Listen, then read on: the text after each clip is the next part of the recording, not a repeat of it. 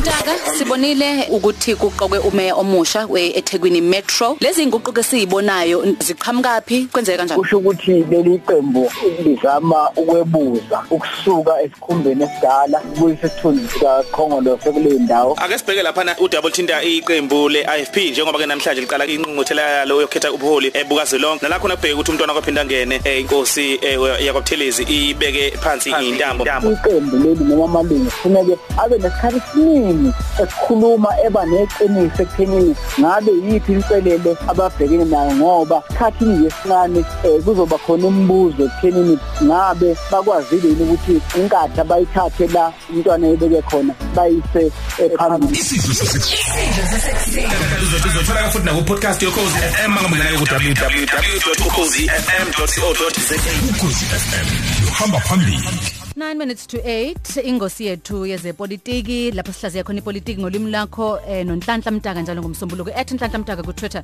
eh, mofisa ukuthi umlandele ukwazi ukuthi uthole nje eh, imbono ngendaba zepolitiki eningizimu Afrika. Mtaka sikubingelele sikwamukela abendlovu enamandla yenta nasezantsi siyabingela gedudi Mtaka eh i Commission kaZondo ebheka i-state capture.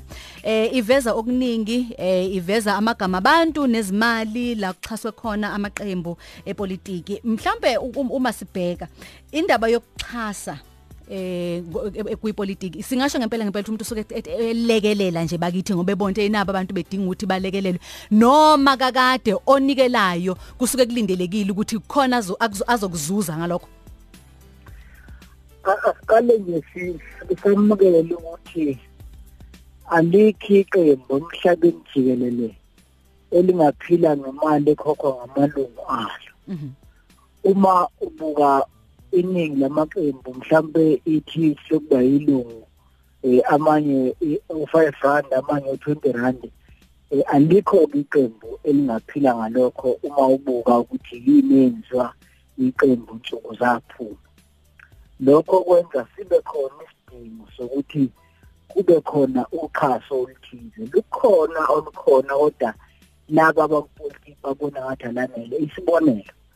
Wonke amaqembu asephalamende kunemali ayitholayo evela ngasenhlanganweni IEC nevela nje eh, kushaya umthetho la abantu abasuke bekhona okuyimali phakathi kokunye elungisa wonke lamalungu alapho ufuna ngaba namahhovisi la eqhamuka ngakhona la ekwazi ukuxhumana khona nabavoti okumphakathi ikhona-ke leyo mali. Kodwa um kubuye ngazi ukuthi ay- ayaneli ngoba iya ngokuthi iqembu lelo linabantu abangaki ephalamende isibonelo iqembu elinjenge-p c ngelithola imali enjenge-IFP ne-IFP ngekithola imali njenge-DA ne-DA ngekithola imali njenge-ANC ngoba kufuneke uthole imali nge- ngenxa yesibalo onaso ephalamende konke lokho kwenza ukuthi kulaleleke ukuthi mhlawumbe sikhona isidingo indaba ke iba sekutheni dadewethu sekukhona umkhuba omdala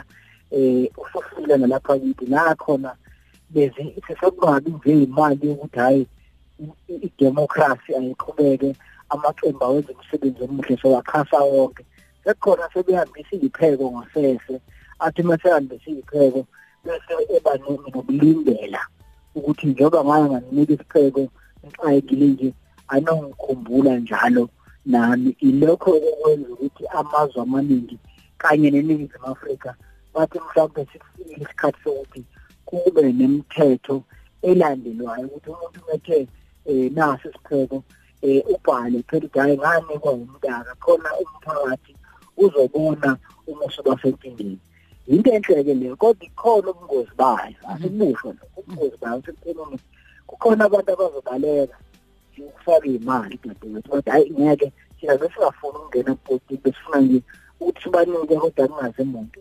Okunye kukhona abazofaka kakhulukazi emaqembini aphikisayo ukuthi uma ngabe nginike mina iqembu elibusayo anganinike eliphikisayo ngeke yini ngiveze uma nginike eliphikisayo ngizothola ukuphisa noma uma nginganika eliphikisayo ngake yini ngiveziswe yini suke liphethe ngaleso sikhathi. Izinto-ke lezi lomthetho abasawukhuluma uzama ukuyibheka angikusho dadewethu ukuthi ukuqala ngqa eningizimu afrika eh amaqembu ayavumelana ukuthi awafuni ukuvezwa abantu ababanika imali.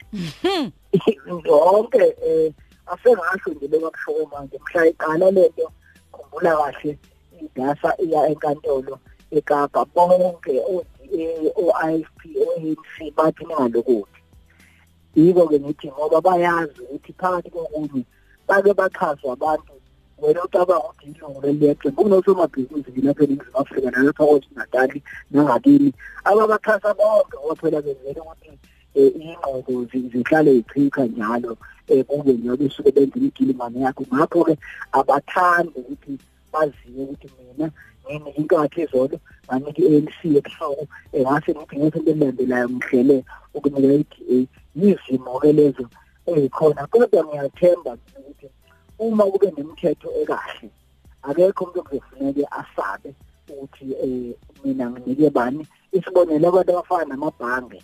Amabhange awadinga ukuxhasa iqembu elilodwa ngabaxhasa bonke nemali elinganayo okwenza ukuthi kungabi khona ukuthi hhayi leli bhange leseka liphi iqembu. Kubantu nje omdala ngamunye ngamunye uma ubona ukuthi imali esiyikhiphile mhlawumbe i-estate uma ubona ukuthi hayi inkampani yakho naye ibhaliwe lapho ungakwazi ukuthi ukhulume ukuthi kungenzeka ukuthi usithulelwe intela ngoba phela ungasho ukuthi hayi mina ngichasa idemocracy eNingizimu Afrika kufanele kube khona intela ngizama ukuthi ziningi izinto ezingenziwa. Kwamanye amazwe kuyenziwa kanjalo abantu bayithole intela ekhona zokwazi ukuthi achase angasho ukuthi ubugebengu into ayenzayo. Kodwa njengoba ngisho okwamanje inkinga ekhona ukuthi labantu abaletha izipheko abafuni ukwazi ukuthi bangena yonke imizi bangena yonke amahlelo bona bafuna wazi ukuthi nje banawo kanti ebusuku baphinde banike abanye into engingakubona kakhona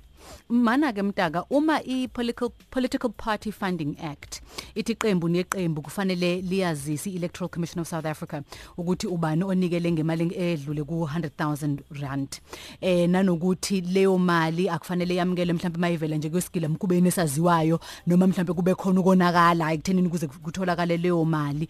Uma leyo nto kufanele ngabe yinto evele edalulwayo yindaba kudinge ukuthi kuze phinde kubuyekeza umthetho manje iPoppy Act eh ezoveza ukuthi noma ngithi iPromotion of Access to Information Act ngexolisi ngiyaphambanisa. Promotion of Access to Information Act ukuthi icacise lokho ukuthi yabona ke manje ke sesinqumela ogodweni kufanele kufanele kufanele nikwazi bekufihlwa yini kanti? Lo mthetho lokuthiwa i-access to information act ka 2000 unika eh izakhamizi ilungelo lokuthi zikwazi ukubuza imibuzo uyithola impendulo kuyenzeka komasipala esibonelo eh noma eminyango ethize bathi abafuna ukunika into ethize ufisa ukuyazi nini sakhamuzi unelungelo lokusebenzisa leyo mthetho ukuthi ucele ulwazi oluthize. Into ebingekho ke isigaba ebesingekho kulomthetho ilesi esikhuluma ukuthi wena umsakazi noma wena mama lapho wanongoma nelungelo lokwazi ukuthi iqembu leli lakho noma amanye amaqembu eh axhaswa ngobani eh bekungekho ke lokho. Babone ukuthi uma ngabe kungekho emthethweni kungalikhulu ukuthi amaqembu athi hayi ngesikunike wena enongcebo sonika i-IEC ngoba yona i-chapter 96 kodwa wena awunawo amandla. Sebafuna ukuqhubela ke leyo mthetho ukuthi kufane njengokusuke ufuna ulwazi oluthize eminyangweni noma engxanyeni ethize kahulumeni eNingizimu Afrika.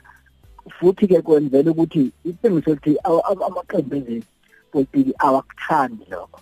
Eh awakuthandi ngezathu ke zawo azaziyo esenike izinyanga ibala kanjalo nalabo abakhipha imali laba bangabonakele ngoba bakhona abakhipha imali kahle dadewethu abathi le mali sichasa ngoba siyavumelana mhlawumbe nemgomo yalo hulumeni noma elinqembu ukuze ikwazi ukuqhubeka idemocracy kodwa khona abagila imkhuba eh abafaka nje umswano wembabala eh kulamaqembu bathi mase bewufakile bese yezwa sekuthiwa hayi eh mina benginika leya namanje angayithola phela so banga abantu akade begila imkhuba ngoba akhona nje amaqembu lapha abantu bengamalungu abangasakhulumisani.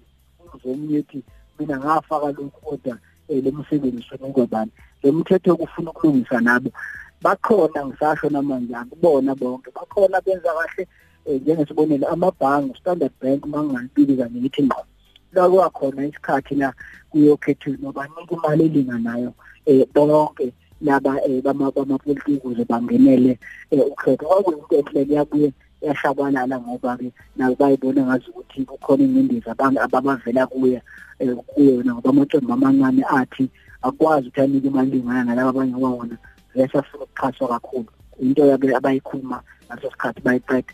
Kodwa lo mthetho ufuna nje ukubamba nabantu beyingqondo nabo bambi behambisa izipheko bese bengafuni ukuvela ukuthi bayihambise phi kanti bafuna ngale ukulanda imihlomulo ethize uyogcina uphumelele kodwa njengoba ngisho nje wonke amaqembu okuqala nqa eningizimu afrika avumelana ngokutibula into ayifuni leyo. Mtaka sibonge kakhulu. @nhlanhla mtaka ku Twitter.